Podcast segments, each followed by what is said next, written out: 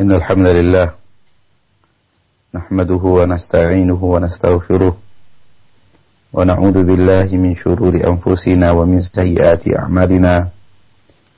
من يهده الله فلا مضل له ومن يضلل فلا هادي له. أشهد أن لا إله إلا الله وحده لا شريك له وأشهد أن محمدا عبده ورسوله. صلى الله عليه وعلى آله وأصحابه ومن تبعهم ب... ومن تبعهم بإحسان إلى يوم الدين وسلم تسليما كثيرا. أما بعد إخواني وأخواتي في الدين رحمني ورحمكم الله. الحمد لله.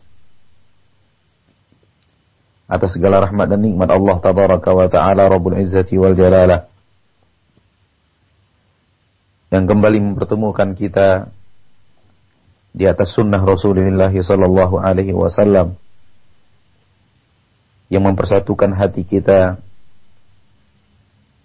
di atas penghambaan diri secara tulus dan ikhlas kepada Allah Subhanahu wa taala. Dan di atas ketulusan dan keikhlasan menjadi pengikut Rasulullah sallallahu alaihi wasallam. Ini merupakan rahmat dan nikmat yang diberikan oleh Allah tabaraka wa taala kepada seorang insan ketika Allah menjadikan dirinya adalah orang-orang yang mengikhlaskan ketaatannya kepada Allah tabaraka wa taala dan tidak melakukan kesyirikan. Dan orang-orang yang mengikhlaskan kepatuhannya kepada Rasulullah sallallahu alaihi wasallam dan tidak melakukan hal yang menjadi sesuatu yang membuat dirinya menyelisihi kepatuhannya kepada Rasulullah sallallahu alaihi wasallam. Sesungguhnya ikhlas kepada Allah dan patuh kepada Rasulullah sallallahu alaihi wasallam adalah pondasi agama Islam. Sesungguhnya Inilah yang ada di dalam makna syahadatain. Asyhadu an la ilaha illallah menuntut kita untuk mengikhlaskan seluruh ketaatan dan penghambaan diri kepada Allah. Wa asyhadu anna Muhammadan Rasulullah menuntut kita untuk menjadikan kepatuhan kita satu-satunya mutlak kepada Rasulullah sallallahu alaihi wasallam dan apa pun yang merupakan perintah dan larangan dari manusia selain Rasulullah sallallahu alaihi wasallam maka kita timbang dengan kepatuhan kepada Rasulullah sallallahu alaihi wasallam. Seandainya kepatuhan kepada seseorang itu sesuai dengan kepatuhan kepada Rasulullah maka kita patuhi apabila kepatuhan kepada seseorang itu bertolak belakang dengan kepatuhan kita kepada Rasulullah sallallahu alaihi wasallam maka kita patuhi Rasulullah SAW dan kita menyelisihi perintah dan larangan seseorang yang bertolak belakangan dengan kepatuhan kita kepada Rasulullah SAW. Dan inilah yang kita maksud dengan kata-kata kepatuhan yang mutlak kepada Nabi kita tercinta sallallahu alaihi wasallam. Betul bahwa kita wajib patuh kepada orang tua.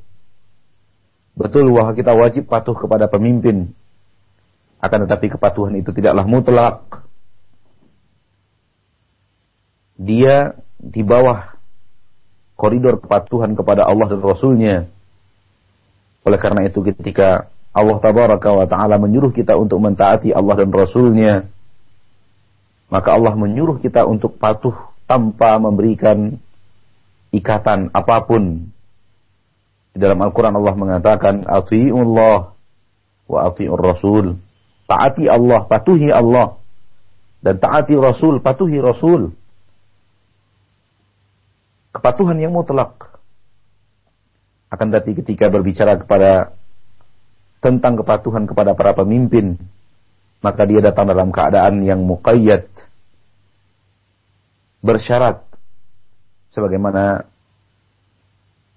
yang kita dengar dari firman Allah Tabaraka wa Ta'ala Ya ayyuhalladzina amanu Allah wa atii'ur rasul wa ulil amri minkum. Maka kepatuhan kepada ulil amri tidaklah mutlak. Oleh karena itu Allah tidak datangkan kalimat ati'ul ulil amri. Akan tetapi ketaatan kepada ulil amri dikaitkan kepada ketaatan kepada Allah dan Rasulnya. Demikian juga ketika kepatuhan kepada orang tua diperintahkan Allah kepatuhan kepada orang tua pun dikaitkan dengan kepatuhan kepada Allah dan Rasulnya. Oleh karena itu Allah menyuruh kita untuk tidak mentaati orang tua apabila ketaatan kepada orang tua itu berseberangan dengan ketaatan kepada Allah dan Rasulnya. Sebagaimana yang ada di dalam Al-Quran. Surat Luqman. Allah berfirman. In jahadaka ala an tusyrika bima laysa laka bihi ilm. Fala tuti'humah. Apabila keduanya bermujahadah, berusaha keras untuk membuatmu menyekutukan Allah, orang tua memerintahkan kita dengan usaha yang keras, dengan usaha yang ekstra untuk membuat kita berbuat syirik sementara itulah hal yang terlarang. Maka Allah mengatakan fala tuti'huma, jangan taati keduanya. Karena memang kepatuhan dalam hal ini tidaklah mutlak, yaitu kepada orang tua, namun kepatuhan yang muqayyad apabila sesuai dengan ketaatan kepada Allah dan Rasulnya maka kita patuhi. Apabila tidak sesuai dengan ketaatan kepada Allah dan Rasulnya, maka ketika itu tidak ada kewajiban yang dibebankan oleh seorang hamba, dibebankan oleh Allah kepada seorang hamba untuk patuh kepada orang tua dalam hal yang merupakan maksiat kepada Allah tabaraka wa taala. Dan dalam kaidah ini Nabi SAW mengatakan la ta'ata li makhluqin fi maksiatil khaliq. Tidak ada kepatuhan, tidak ada ketaatan kepada makhluk dalam hal berbuat maksiat kepada Khaliq. Kaum muslimin dan muslimat, inilah asas daripada agama Islam yang Allah turunkan ke permukaan bumi melalui risalah yang Allah berikan kepada Nabi Muhammad sallallahu alaihi wasallam. Barang siapa yang hadir makna syahadat ini dalam hidupnya dan dalam cara dia beramal maka dia akan selamat seandainya ini dijadikan sebagai sebuah takaran yang senantiasa setiap saat dia perlakukan dalam setiap tindakannya. Ikhwani wa akhwati fiddin, di mana pun antum berada rahimani wa rahimakumullah. Kembali bersama kitab Al-Aqidah Al-Wasitiyah. Dalam pertemuan kali ini, menyambung apa yang kemarin disampaikan oleh Syekhul Islam Ibn Taimiyah di dalam kitab Summa rusuluhu sadiquna masduquna bikhilafil ladina yaquluna alaihi ma la ya'lamun.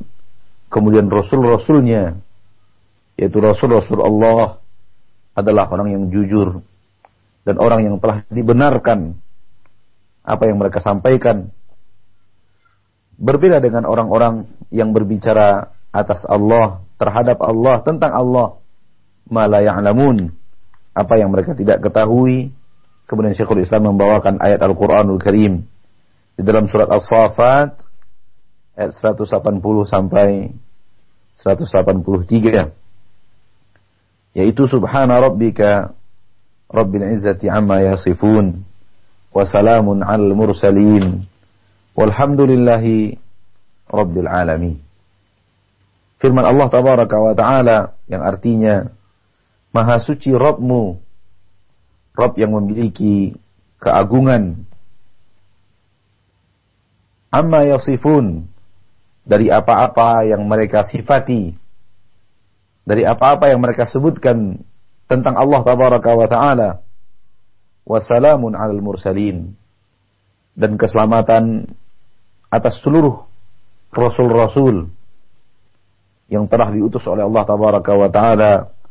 Walhamdulillahi rabbil alamin. Dan segala puji hanyalah milik Allah Rabbul alamin. Rabb sekalian alam, pencipta, pemilik, penguasa, pengatur alam semesta.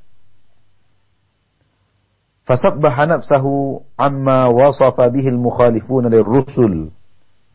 Di dalam ayat ini maka Allah Subhanahu wa taala mensucikan dirinya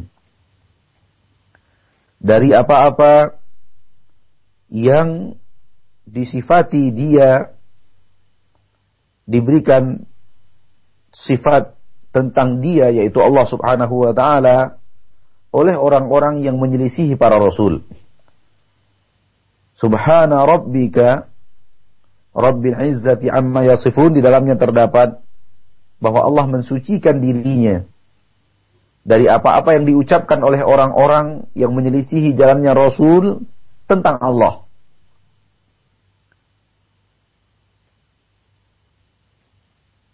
wasallama alal mursalin dan kemudian Allah menyatakan keselamatan atas orang-orang yang telah diutus oleh Allah. Wassalamun al mursalin di dalamnya terdapat keterangan bahwa Allah Subhanahu wa taala menyatakan apa-apa yang diucapkan oleh para rasul adalah selamat. Lisalamati ma minan naqsi wal aibi. Disebabkan dikarenakan karena dikarenakan selamatnya apa yang mereka ucapkan tentang Allah yaitu apa yang diucapkan para nabi dan para rasul tentang Allah selamatnya ucapan para nabi dan para rasul minan naqsi wal aibi daripada kekurangan wal aib daripada cacat dan aib. Inilah yang akan kita syarah bi'inillahi azza wa jal dengan syarah yang dimudahkan oleh Allah tabaraka wa taala pada pagi yang berbahagia ini semoga Allah Subhanahu wa taala menjadikan kita orang-orang yang senantiasa berusaha untuk menjadi seseorang yang mendapatkan kebenaran sebagaimana yang kita idam-idamkan. Syekhul Islam mengatakan bahwa sesungguhnya Allah tabaraka wa taala telah mensucikan dirinya di dalam ayat ini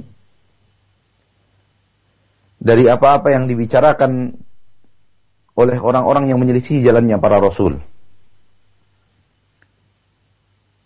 Ikhwani wa akhwati fid din rahimani wa rahimakumullah.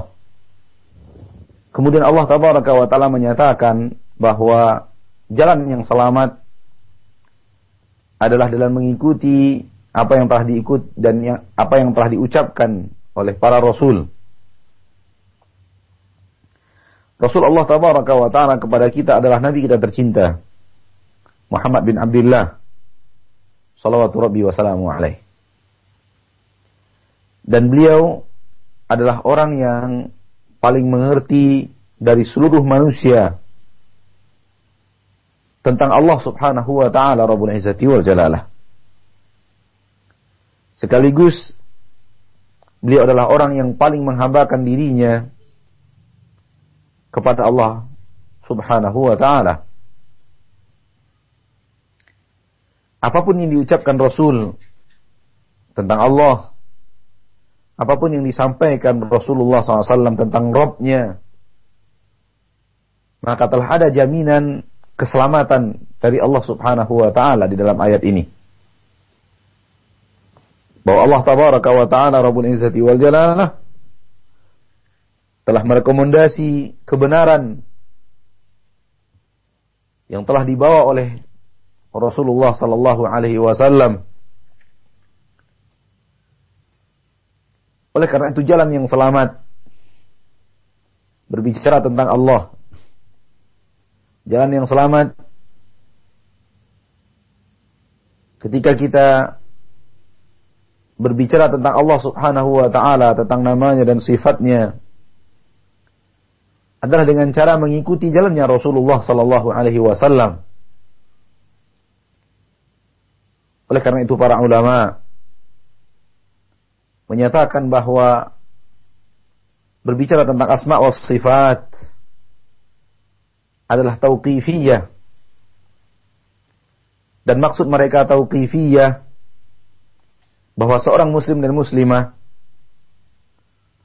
tidak boleh berbicara tentang Allah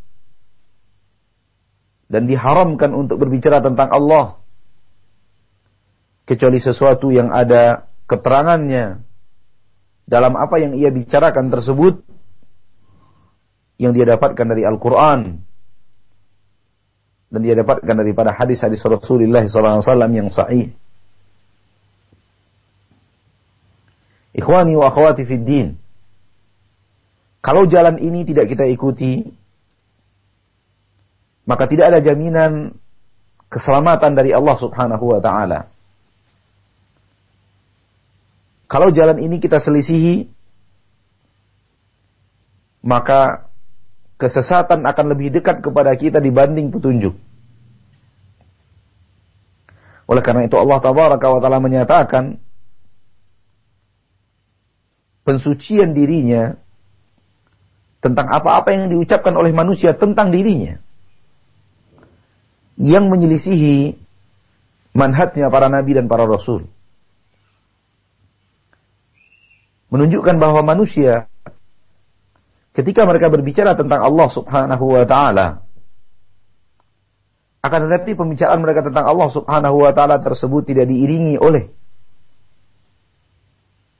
aksi meneladani para nabi dan para rasul, Allah sucikan dirinya dari obrolan manusia tersebut, dari perkataan manusia tersebut. Pertanda bahwa hal yang seperti ini akan membuat pembicaraan manusia tentang Allah tidak terhindar daripada kesalahan-kesalahan. Tidak terhindar daripada kesalahan-kesalahan tentang Allah Subhanahu wa taala. Ikhwani wa akhwati fid din rahimani wa rahimakumullah maka kita senantiasa menyerukan kepada kaum muslimin dan muslimat ikhwan dan akhwat di mana pun antum berada, bahwa berbicara tentang Allah subhanahu wa ta'ala, hendaklah berada di atas argumen yang jelas dari Al-Quran dan argumen yang jelas dari hadis-hadis Rasulullah Sallallahu Alaihi Wasallam. Kalau tidak, maka diam adalah sesuatu yang paling berharga diam dan tidak berbicara tentang Allah. Dalam hal-hal yang kita tidak mengerti dan tidak mengetahui. Apakah itu bersumber daripada Al-Qur'an? Ataupun hadis atau tidak? Ini adalah jalan yang selamat. Maka para ulama menyuruh kita di saat kita mendengarkan seseorang berbicara tentang Allah Subhanahu wa taala yang kemudian kita tidak tahu apakah yang mereka bicarakan ini ada dalilnya? Yang menetapkan bahwa itu adalah nama daripada nama Allah. Dan kita juga tidak tahu ada dalil yang menyatakan bahwa itu bukanlah nama dan sifat daripada sifat-sifat Allah Subhanahu wa taala. Maka para ulama dalam hal ini mengajak kita untuk menjadi orang-orang yang tawakuf. Menahan diri dan tidak berbicara.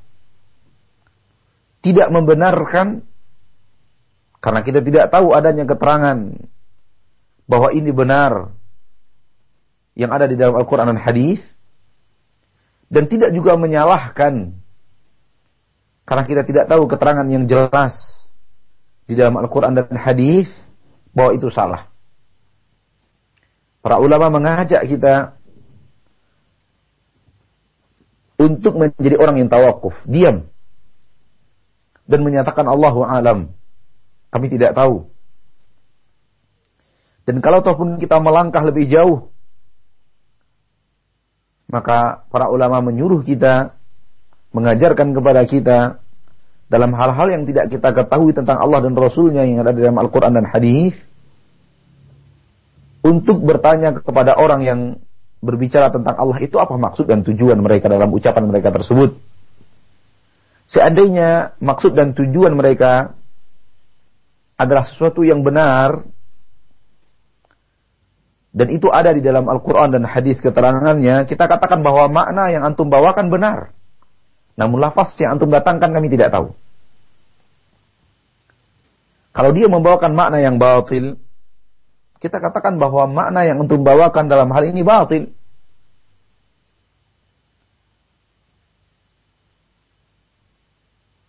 Dan harus antum jauhi makna yang seperti ini. Begini para ulama mendidik kita untuk tidak berbicara tentang Allah tabaraka wa taala kecuali sesuatu yang telah kita ketahui bahwa para nabi dan bahwa Nabi Shallallahu Alaihi Wasallam telah mengajarkannya kepada kita melalui wahyu yang beliau terima dan kemudian beliau sampaikan kepada kita. Salawatu Rabbi wassalamu alaih. Jadi sifat seorang mukmin, sikap seorang mukmin bahwa dia tidak berbicara tentang Allah kecuali dia telah ketahui bahwa nabinya telah mendahuluinya dalam masalah ini dan telah berbicara tentang itu. Kalau dia tidak ketahui maka sifat seorang mumin adalah berdiam diri dan itu lebih selamat. Dibanding seorang muslim dan muslimah berkecimpung di dalam sebuah keterangan tentang Allah dan Rasulnya berkecimpung di dalam sebuah kaifiat tentang nama dan sifat Allah Taala yang dia tidak ketahui keterangannya daripada Allah dan dia tidak ketahui keterangannya dari Rasulullah Sallallahu Alaihi Wasallam. Contoh dari hal ini adalah ketika sebahagian kaum muslimin bertanya kepada kita, apakah tempat Allah Subhanahu wa taala adalah di atas arash? Apakah Allah Subhanahu wa taala memiliki tempat dan tempatnya adalah di atas arash? Ikhwani rahimani wa rahimakumullah. Kita katakan kepada orang tersebut, apa yang Anda maksud dengan tempat Allah di atas ars? Apa yang Anda maksud dengan tempat? Kenapa kita harus bertanya? Karena kita tidak menemukan di dalam Al-Quran dan tidak juga menemukan di dalam hadis Rasul kita tercinta Sallallahu Alaihi Wasallam Allah menyatakan tempat untuk dirinya. Kata-kata tempat makan ini adalah kata-kata yang tidak ada di dalam Al-Quran dan tidak ada di dalam hadis. Oleh karena itu Nabi Shallallahu Alaihi Wasallam tidak pernah bertanya di dalam hidup beliau di manakah tempat Allah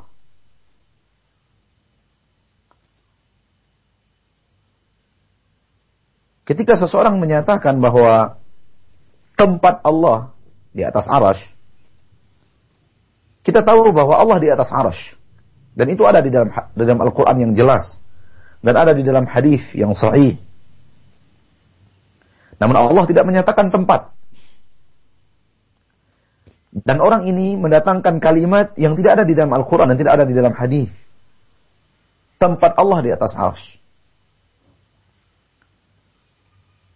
seorang ahlu sunnah berhadapan dengan kalimat tempat yang tidak ada di dalam Al-Quran dan tidak ada di dalam hadis, mereka tidak langsung mengatakan ya, tempat Allah di atas aras. Karena kalau dia mengatakan ya, dia telah berbicara sesuatu tentang Allah yang tidak dia ketahui.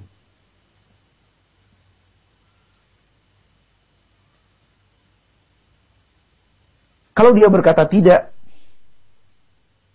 boleh jadi dia telah mem, me, me, menyalahkan sesuatu yang benar.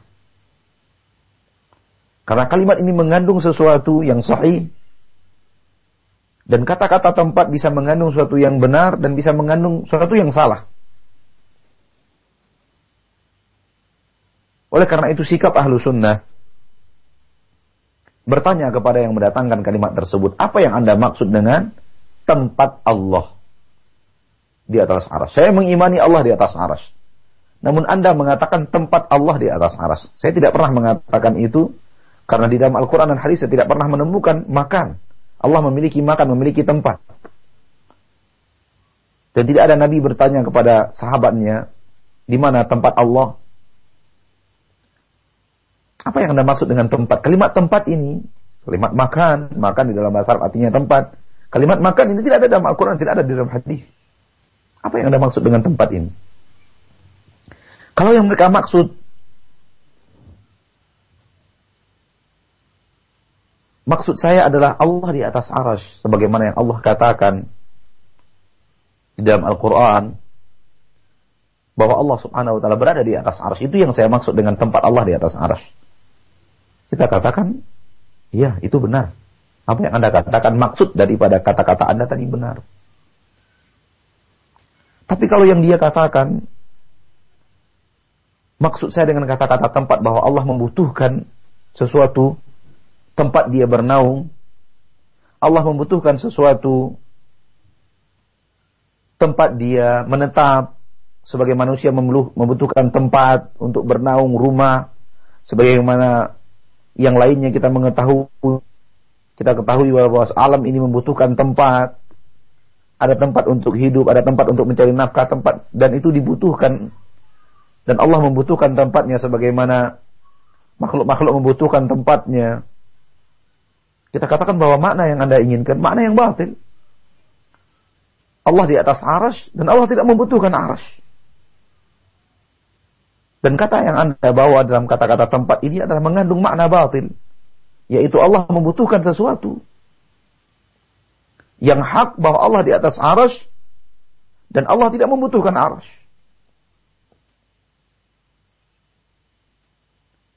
Jadi kata-kata tempat tidak ada di dalam Al-Quran, tidak ada di dalam hadis, maka seorang muslim tawakuf.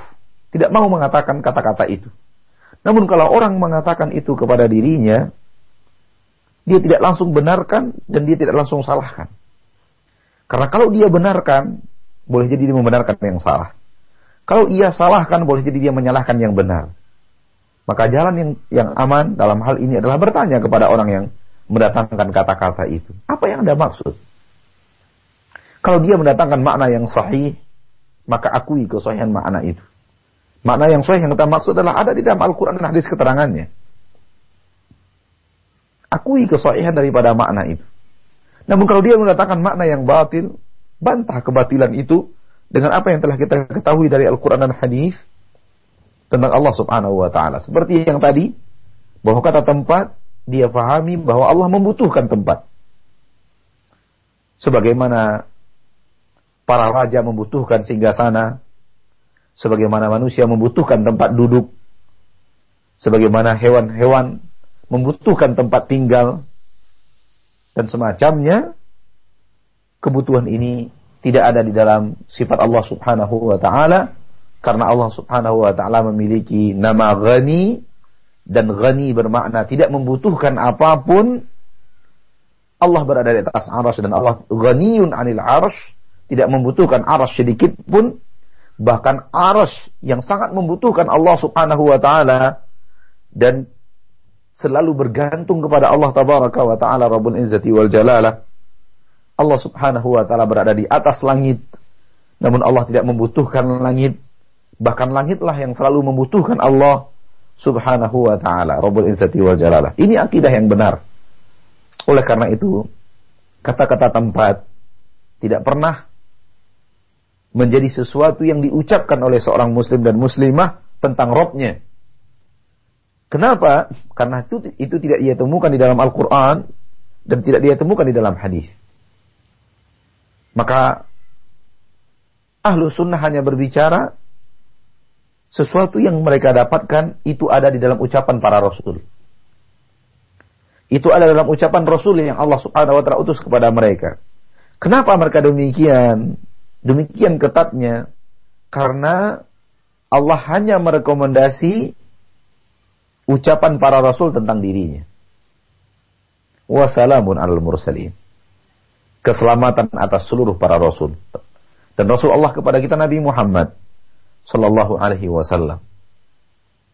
Maka yang selamat yang tidak ada salahnya berbicara tentang Allah Rasul kita Nabi Muhammad sallallahu alaihi wasallam. Maka apa pun yang tidak pernah kita dapatkan dari Rasul. Ahlu sunnah menahan lisan mereka. Berbicara tentang Allah. Karena mereka ingin berbicara ucapan yang selamat. Dan keselamatan yang dari ucapan mereka tidak ada jaminan sedikit pun. Namun keselamatan telah ada jaminan keselamatan dari ucapan para nabi tentang Allah. Maka jalan satu-satunya untuk selamat berbicara tentang Allah mengikuti jalannya para nabi. Mengikuti jalannya Nabi kita tercinta Muhammad sallallahu alaihi wasallam. Di situ ada jaminan keselamatan. Langsung rekomendasi dari Allah tabaraka wa taala wa salamun alal mursalin. Kalau tidak, Allah mensucikan dirinya dari obrolan manusia, siapa pun mereka yang menyelisih jalannya para nabi dan para rasul. Subhana rabbika rabbil izzati amma yasifun apa pun yang mereka sifati Allah Subhanahu wa taala mensucikan dirinya. Yang selamat hanya yang diucapkan para nabi dan para rasul. Oleh karena itu manhaj ahlu sunnah di dalam berbicara tentang Allah adalah itiba'ur rasul. Mengikuti Rasulullah sallallahu alaihi wasallam mutlak. Karena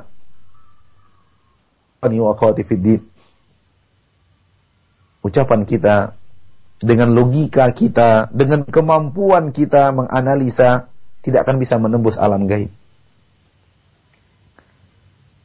Para nabi dan para rasul pun sebagai seorang manusia, logika mereka, kemampuan mereka menganalisa, tidak bisa menembus alam gaib. Keterbatasan sebagai seorang manusia yang baif. Namun para nabi dan para rasul berbicara melalui bimbingan wahyu yang Allah turunkan kepada mereka. Yang Allah Subhanahu wa taala berikan kepada mereka. Sesuai dengan apa yang Allah inginkan untuk mereka ketahui dan mereka sampaikan kepada umat. Oleh karena itu obrolan para nabi dan para rasul, ucapan para nabi dan para rasul tentang Allah tidak ada yang salah. Disebabkan seluruh ungkapan mereka dibimbing oleh Allah melalui wahyu. maka jalan satu-satunya selamat adalah jalan tersebut. Dan seluruh yang Allah katakan tentang dirinya, yang Allah sampaikan kepada Rasul, dan Rasul sampaikan kepada umat adalah selamat. Dan semuanya adalah suci. Dan semuanya adalah sempurna. Oleh karena itu Allah subhanahu wa ta'ala selesaikan ayat. Dan Allah subhanahu wa ta'ala tutup ayat dengan mengucapkan Walhamdulillahi Rabbil Alamin. Dan segala puji hanyalah milik Allah. Allah yang berhak untuk dipuji. Karena Allah subhanahu wa ta'ala memiliki seluruh kesempurnaan. Dan seluruh yang sempurna berhak untuk dipuji. Bagaimana kalau Allah memiliki seluruh kesempurnaan? Kita senantiasa memuji sesuatu yang sempurna. Kita melihat sebuah rumah yang sempurna pembangunannya. Indah dipandang mata. Dan kita pun memuji rumah yang indah itu. Kita melihat sebuah kendaraan yang sempurna dalam perakitannya, maka kita pun memuja, memuji kesempurnaan itu. Dan kita melihat seorang manusia yang sempurna dalam penciptaannya. Dan kita pun memuji kesempurnaan itu. Kalau ini milik makhluk, bagaimana dengan Allah tabaraka wa ta'ala walillahil mathalul a'la. Dan Allah memiliki perumpamaan yang paling tinggi. Yang mana Allah subhanahu wa ta'ala dialah yang maha sempurna dalam segala-galanya. Maka dia berhak untuk dipuji. Seluruh sifatnya adalah sifat yang sempurna. Dan seluruh yang ia miliki adalah kesempurnaan tanpa ada cacat. Rabbul Izzati wal Jalalah.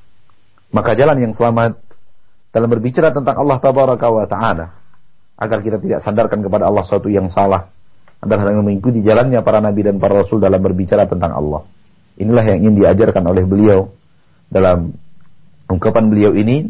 Semoga Allah Subhanahu wa taala menjadikan kita orang yang senantiasa dalam berbicara tentang Allah senantiasa mengikuti jalannya para nabi dan para rasul dan kemudian kita tidak berbicara tentang Allah sesuatu yang kita karang-karang dari diri kita.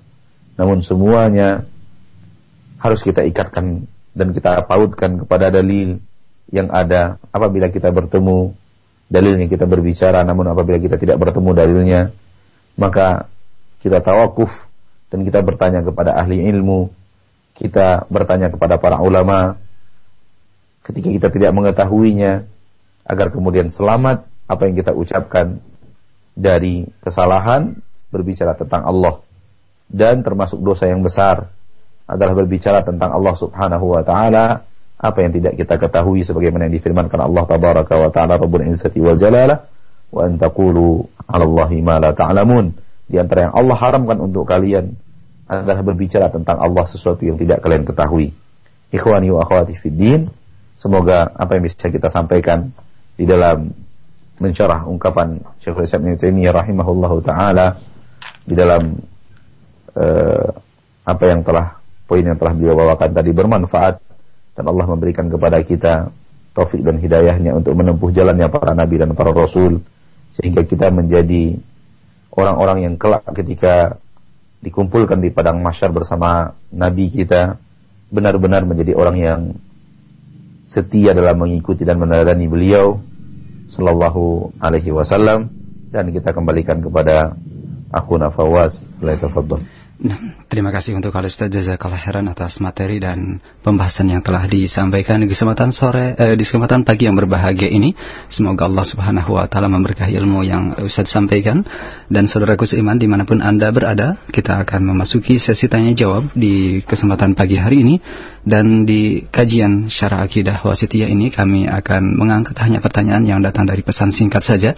Kami persilakan Anda untuk bisa mengirimkannya melalui pesan singkat di 081 9896543. Baik Ustaz kami angkat pertanyaan yang pertama datang dari pesan singkat dari saudara Abu Yusuf di Jakarta yang bertanya, ya Ustadz bagaimanakah hakikat sebenarnya dari akidah uh, As'ariyah dan ketika ada penjelasan dari penyimpangan uh, hakikat akidah uh, Asy'ariyah ini apakah serta merta kita tidak boleh mengambil uh, ilmu dari uh, Imam Abdul Hasan al Ashari serta para ulama yang lainnya yang terpengaruh atau memiliki pemahaman uh, yang sama dengan Syekh uh, Abdul Hasan al Ashari rahimahullahu taala ini. Jazakallahu khairan. Wa iyyak. Jazakallahu khairan. Kepada saudara kita, saudara kita yang bertanya, Bu Yusuf, dan saudara-saudari kita kaum muslimin dan muslimat di mana pun untuk berada rahimani wa rahimakumullah. Nasihat anak pribadi kepada diri sendiri dan kaum muslimin dan muslimat bahwa sebelum menjawab pertanyaan daripada Abu Yusuf bahwa hendaklah kita berusaha untuk mengenal yang hak sebelum mengenal yang batil. Anak ingin sampaikan ini kepada saudara-saudari kaum muslimin dan muslimat sebagai nasihat pada pagi yang berbahagia ini hendaklah kita fokuskan tenaga kita dan upaya kita untuk mengenal jalan yang hak jauh lebih besar daripada kita mengenal jalan yang batil. Terkait dengan pertanyaan Abu Yusuf, bertanya tentang kebatilan yang ada pada cara pemahaman akidah al-asyariyah di dalam bab asma sifat. Hal ini kenapa kita katakan? Karena yang diwajibkan oleh Allah taala kepada kita adalah mengenal yang hak. Memang betul bahwa mengenal yang batil adalah jalan yang akan membuat kita selamat daripada kebatilan tersebut sebagaimana yang disampaikan oleh para ulama dalam bentuk syair atau dalam bentuk nasar bahwa saya mengenal keburukan bukan untuk mengikutinya. Dan saya mengenal keburukan untuk menjauhinya. Dan itu juga dikatakan oleh sahabiyun jalil, Hudzaifah bin Yaman, bahwa aku bertanya kepada Rasulullah SAW tentang hal-hal yang syar, yang buruk, maka fataan yudrikani, karena takut agar takut kalau seandainya yang buruk itu singgah dalam hidupku. Ini sahih. Tidak ada sedikit pun keraguan kita dalam hal ini. Namun, ketahuilah bahwa hal yang seperti ini tidak berlaku dalam hal yang umum. Maksudnya semua orang harus mengenal seluruh ke, ke, keburukan, tidak seperti itu. Dan bisa antum lihat bahwa mayoritas para sahabat bertanya kepada Rasulullah tentang kebenaran. Mayoritas para sahabat. Dan itu yang dikatakan oleh Hudzaifah bin Yaman. Karena nas yas'aluna sallam anil khair. Mereka berusaha mengejar dan menggali kebenaran. Kelebihan yang Allah berikan kepada Hudzaifah bin Yaman tidak hanya sekedar mengenal kebenaran, dia juga berusaha untuk mencari titik-titik yang salah agar menjauhinya. Akan tapi lihat mayoritas yang terjadi. Mayoritas sahabat mengejar kebenaran. Oleh karena itu asas pertama bagi seorang penuntut ilmu adalah berusaha untuk mendalami kebenaran sebelum dia mendalami kesalahan. Hal ini nasihat kita pada pagi hari ini karena dengan mengetahui kebenaran, ikhwani wa akhwati fid din rahimani wa rahimakumullah, maka otomatis kita bisa mengenal kesalahan. Dari mana pun datangnya kesalahan tersebut. Kalau kita sudah tahu yang benar dari segala sisi kebenaran itu, maka otomatis kita tahu kesalahan. Karena ketika tidak sesuai dengan yang benar yang telah kita ketahui, maka otomatis salah. Yang salah itu otomatis ketahuan. Sebagaimana kita tahu bahwa cara untuk selesai daripada sholat adalah dengan cara salam ke kanan dan menoleh ke kanan dan kemudian salam ke kiri dengan menoleh ke kiri. Ini kita ketahui kebenaran. 100% inilah kebenaran. Otomatis kita tahu jalan yang salah. Apabila menyelisihi ini, kita tahu jalan yang salah. Di mana ada orang yang menyelesaikan sholatnya bukan dengan cara salam seperti ini, maka kita tahu itu adalah kesalahan. Baik.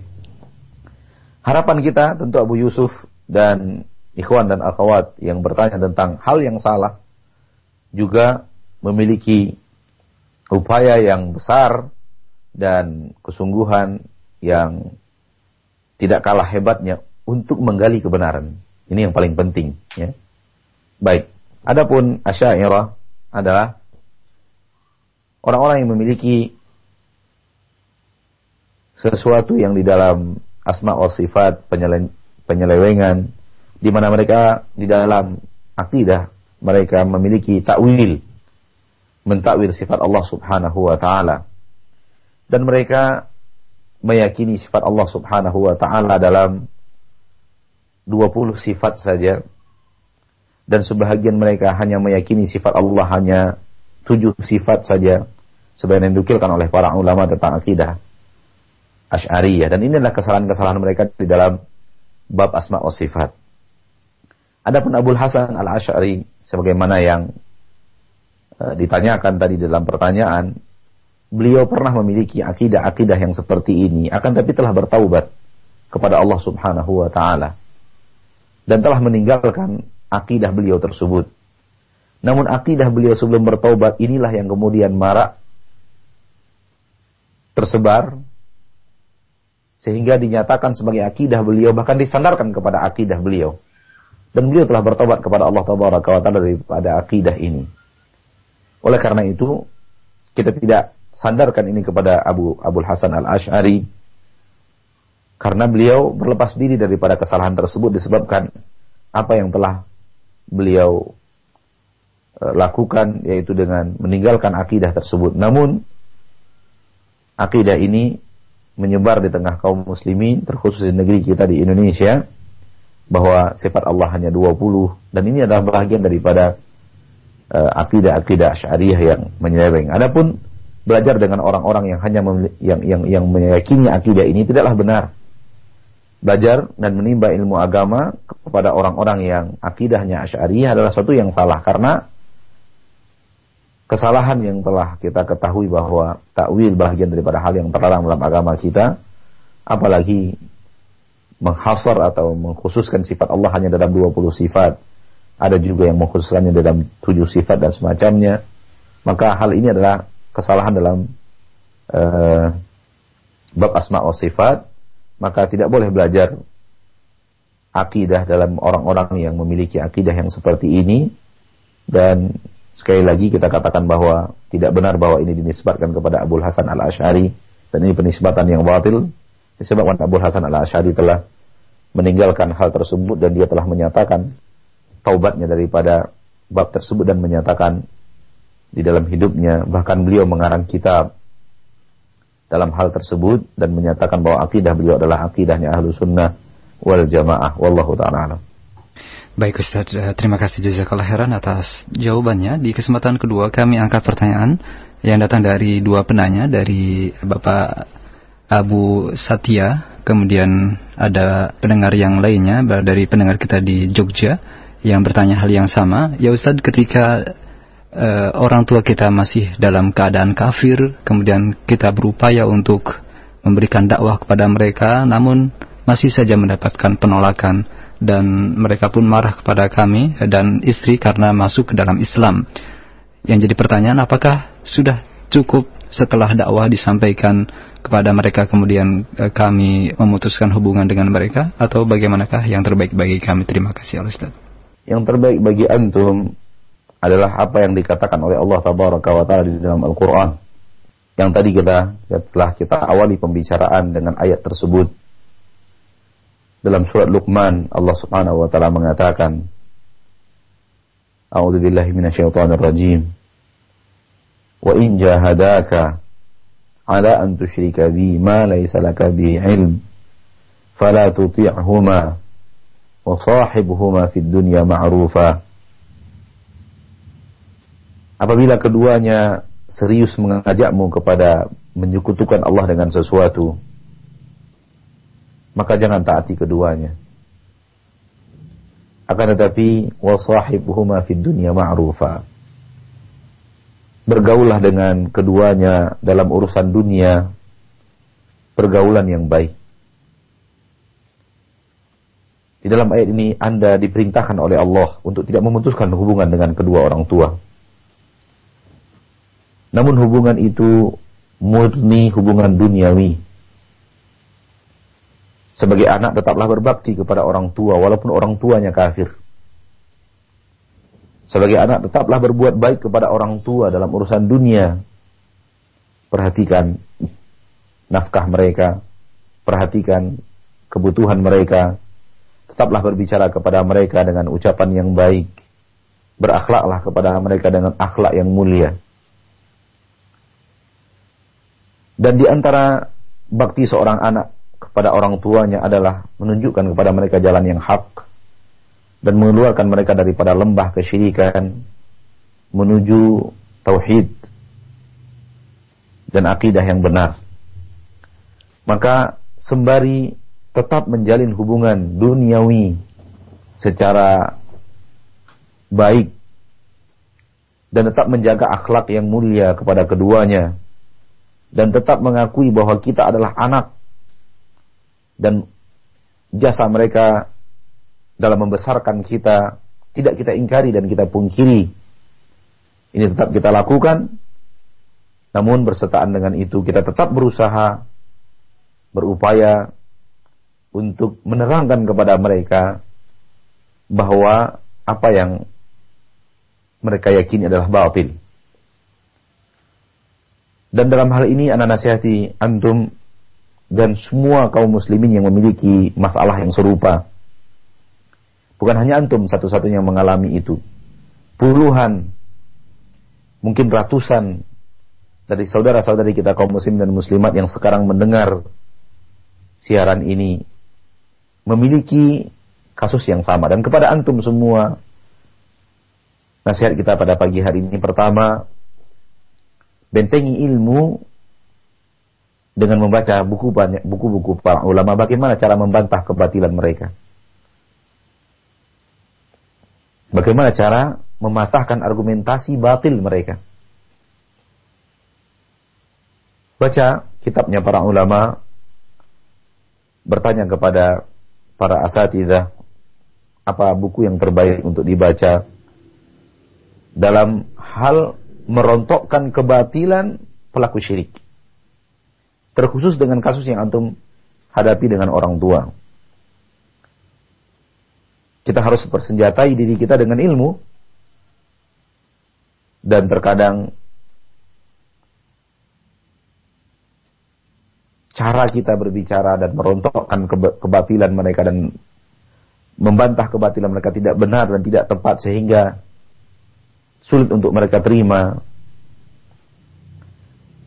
Kita berbicara tentang keyakinan kita, mereka mengungkapkan kebatilan mereka dan sulit untuk terjadi komunikasi yang baik. Disebabkan kekurangan ilmu kita. Kemudian nasihat kedua, jangan lupa berdoa. Berdoa kepada Allah Tabaraka wa Ta'ala dan doa adalah senjata seorang mukmin. Gunakan terus kesempatan-kesempatan waktu-waktu yang terbaik untuk mendoakan kedua orang tua kita yang masih hidup agar mendapatkan hidayah dan maaf Allah tabaraka wa taala. Nah, boleh jadi doa kita lebih hebat daripada usaha kita. Apabila doa itu dari seribu doa yang kita panjatkan, satu yang terakhir Allah kabulkan, cukup itu bagi kita. Jadi, ikhwani wa akhwati fiddin, Tetap jangan putuskan hubungan silaturahmi dengan orang tua karena Allah mengatakan wasahib huma fid dunya ma'rufa. Tetaplah bergaul kepada orang tua itu dengan pergaulan yang baik. Tetaplah akui bahwa kita sebagai seorang anak, tetaplah merendah di hadapan mereka. Rendahnya merendahnya seorang anak kepada orang tua, bukan seorang muslim kepada orang yang tidak muslim. Dan tetap berlaku kepada mereka dan boleh jadi akhlak yang mulia inilah yang membuat mereka tertarik. Hati-hati antum jangan sampai mendakwahi orang tua dalam akhlak yang keji karena itu bisa menjauhkan mereka daripada agama Allah yang mulia. Wallahu taala Baik Ustaz, terima kasih jazakallah khairan. Semoga nasihat yang Ustaz sampaikan tadi bermanfaat untuk Bapak Nasir di Jogja dan Abu Satya serta para pendengar yang lainnya yang menyampaikan uh, pertanyaan atau yang memiliki uh, kasus yang sama. Baik Ustaz, untuk selanjutnya kami angkat pertanyaan yang datang dari uh, saudari Nur di Kendari, Sulawesi Tenggara yang bertanya, Ya Ustaz, apa yang harus saya lakukan terhadap benda antik peninggalan orang tua? Saya khawatir hal ini eh, menjadi fitnah terhadap akidah saya. Apakah dengan menyimpan benda atau barang antik tersebut uh, bisa berbahaya, berbahaya dan uh, berbahaya yang bisa menimbulkan uh, kemerosotan pada dalam akidah kita atau diperbolehkan Ustaz? Terima kasih. Kalau antik hanya murni antik, tidak ada keyakinan apa pun di balik kekunoan benda tersebut, maka tidak masalah. Antum pelihara, antum rawat, kalau memang terlepas dari akidah. Namun apabila di dalam barang antik itu terdapat keyakinan, Walaupun bukan antum yang meyakininya, tapi diyakini oleh adik, diyakini oleh paman, diyakini oleh tetangga, maka ini berbahaya. Karena yang berbahaya bukanlah benda antiknya. Bukanlah benda kunonya. Namun yang berbahaya adalah keyakinan di balik benda antik tersebut. Benda antik, benda kuno tetaplah benda yang di saat dia dikeluarkan pertama kali dia adalah barang baru. Namun perjalanan waktu yang panjang dirawat oleh seseorang yang intensif dalam perawatan membuat dia umurnya panjang dengan izin Allah tabaraka wa taala. Dan tidak berarti benda yang itu memiliki daya yang tidak dimiliki oleh benda yang lain. Bukan berarti dia memiliki kekuatan yang tidak dimiliki oleh benda-benda yang serupa seperti keris yang kuno bukan tidaklah sama dengan keris-keris yang baru. Tidak ada keyakinan seperti itu sama sekali. Ketika keris itu dibuat pada saat itu, dia adalah benda baru. Sebagaimana kita melihat keris yang dibuat orang sekarang. Dan bukanlah perjalanan proses waktu membuat dia memiliki daya yang luar biasa dan itu adalah keyakinan yang dicoba untuk ditanamkan syaitan di dalam diri kita dan diri kaum muslimin dan muslimat agar melakukan kesyirikan dan meminta sesuatu mengkeramatkan benda tersebut. Kalau benda antik ini murni benda antik dan tidak ada keyakinan apa pun di dalamnya maka hal yang mubah. Mubah untuk antum uh, biarkan dia ada di rumah. Mubah juga untuk untuk untuk berikan kepada orang lain. Hal yang mubah sebagaimana benda-benda lainnya. Namun apabila benda antik itu telah memiliki sesuatu yang disusupi oleh syaitan daripada keyakinan-keyakinan yang batil di dalam keluarga, di dalam keluarga besar, tetangga dan semacamnya, maka yang terbaik dari semua itu adalah memusnahkan hal-hal yang bisa mendatangkan kesyirikan Allah taala. Baik Ustaz, terima kasih Jazakallah Heran atas jawabannya. Semoga bermanfaat untuk uh, pendengar Ibu Nur yang bertanya dan juga para pendengar yang lainnya. Satu penanya terakhir saja kami angkat dari Saudara Bambang di Medan yang bertanya. Ya Ustaz, apakah pengertian akidah itu dan apa eh, yang atau apakah kaitan antara akidah dengan akhlak? Sehingga uh, namun banyak sekali di antara kaum muslimin yang mempelajari akidah akan tetapi seakan-akan menyampingkan permasalahan akhlak ini. Mohon penjelasan dari Al Ustaz. Kepada ikhwan dan akhwat dan terkhusus saudara kita yang bertanya, akidah berasal dari kata-kata aqada yaqidu yang berarti mengikat Aqada yaqidu dalam bahasa Arab artinya rabata yarbutu, mengikat. Asal kata aqidah bermakna ikatan. Dan akidah itu berasal dari kata-kata ikatan dikarenakan kita mengikat hati kita kepada satu poin. Kita mengikat hati kita pada satu poin. Misalnya, si A mengikat hatinya bahwa keris ini itu memiliki daya kekuatan hebat di mana dia bisa mendatangkan rezeki di mana dia bisa melapangkan karir. Dia ikat hatinya untuk meyakini bahwa keris ini bukan keris biasa. Dia keris yang luar biasa. Maka ini disebut akidah bahwa dia si A telah mengikat hatinya dan yakin saya yakin yakinnya bahwa keris ini bukan keris biasa. Hari-hari tertentu kerajaan di Solo mengeluarkan sapi. Dan kaum muslimin, naudzubillah min dzalik, telah mengikat hati mereka bahwa ini bukan sapi sembarangan. Dan kotorannya bukan kotoran sembarangan. Sehingga kotorannya itu diperebutkan orang. Kenapa? Mereka telah memiliki akidah, keterikatan hati. Ada yang diikat di dalam hati itu. Apa yang dia ikat? Kotoran ini bukan kotoran sembarangan. Kotoran yang penuh dengan berkah. Maka akidah adalah ikatan hati. Oleh karena itu, akidah seorang mukmin dan mukminah adalah iman kepada Allah, iman kepada kitab, iman kepada Rasul, iman kepada hari akhir, iman kepada Nabi, iman kepada malaikat, iman kepada qadar dan qadar. Inilah akidah kita. Seluruh yang Allah bicarakan tentang dirinya, seluruh yang Allah bicarakan tentang para malaikat, seluruh yang Allah bicarakan tentang para nabi, seluruh yang Allah bicarakan tentang kitab, seluruh yang Allah bicarakan tentang hari akhir, seluruh yang Allah bicarakan tentang qadar dan qadar. Demikian juga dibicarakan oleh para nabi dan para rasul yang kepada kita tentu Nabi Muhammad sallallahu alaihi wasallam inilah akidah kita. Ini apabila kita hanya berbicara tentang akidah. Adapun akhlak, apabila terkhusus dalam masalah akhlak, dia adalah budi pekerti, sikap, adab. Masyaallah muslimin dan muslimat. Maka akidah dan akhlak, akidah berbicara sesuatu yang ada di dalam hati, Dan akhlak ada budi pekerti. Kebiasaan, adab, tutur kata, cara bermuamalah, cara kita berhadapan dengan seseorang, dengan tetangga, dengan kaum muslimin, dengan yang fakir, dengan pemimpin, dengan orang yang lebih lebih kecil, bagaimana akhlak di dalam berhadapan dengan makanan dan semacamnya.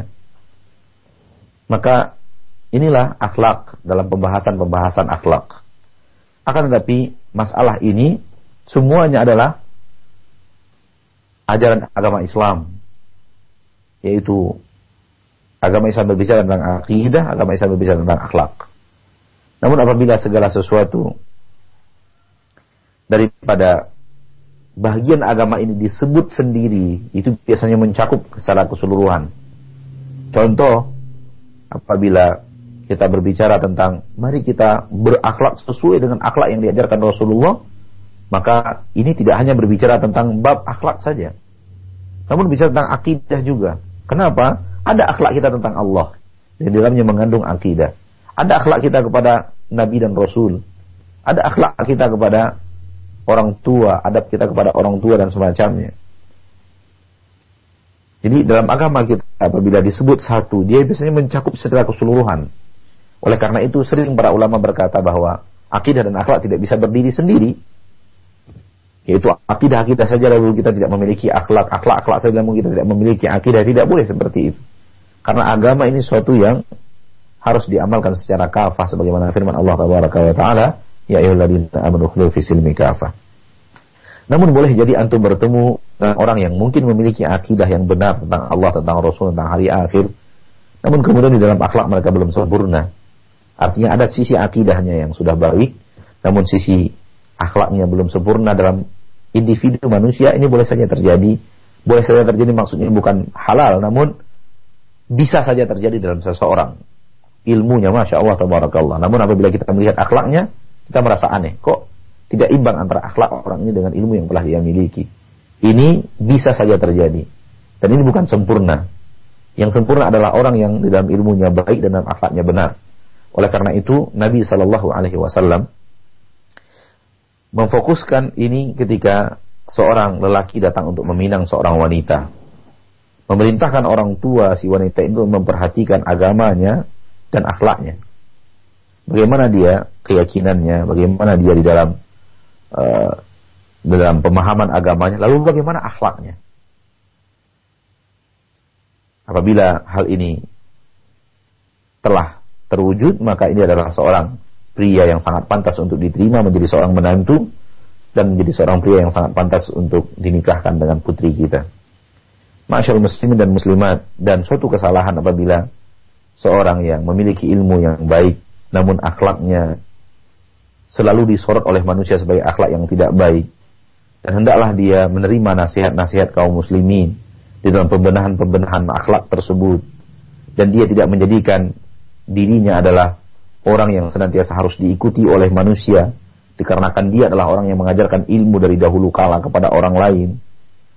Adalah seorang manusia itu selalu terbuka pintunya untuk dinasihati.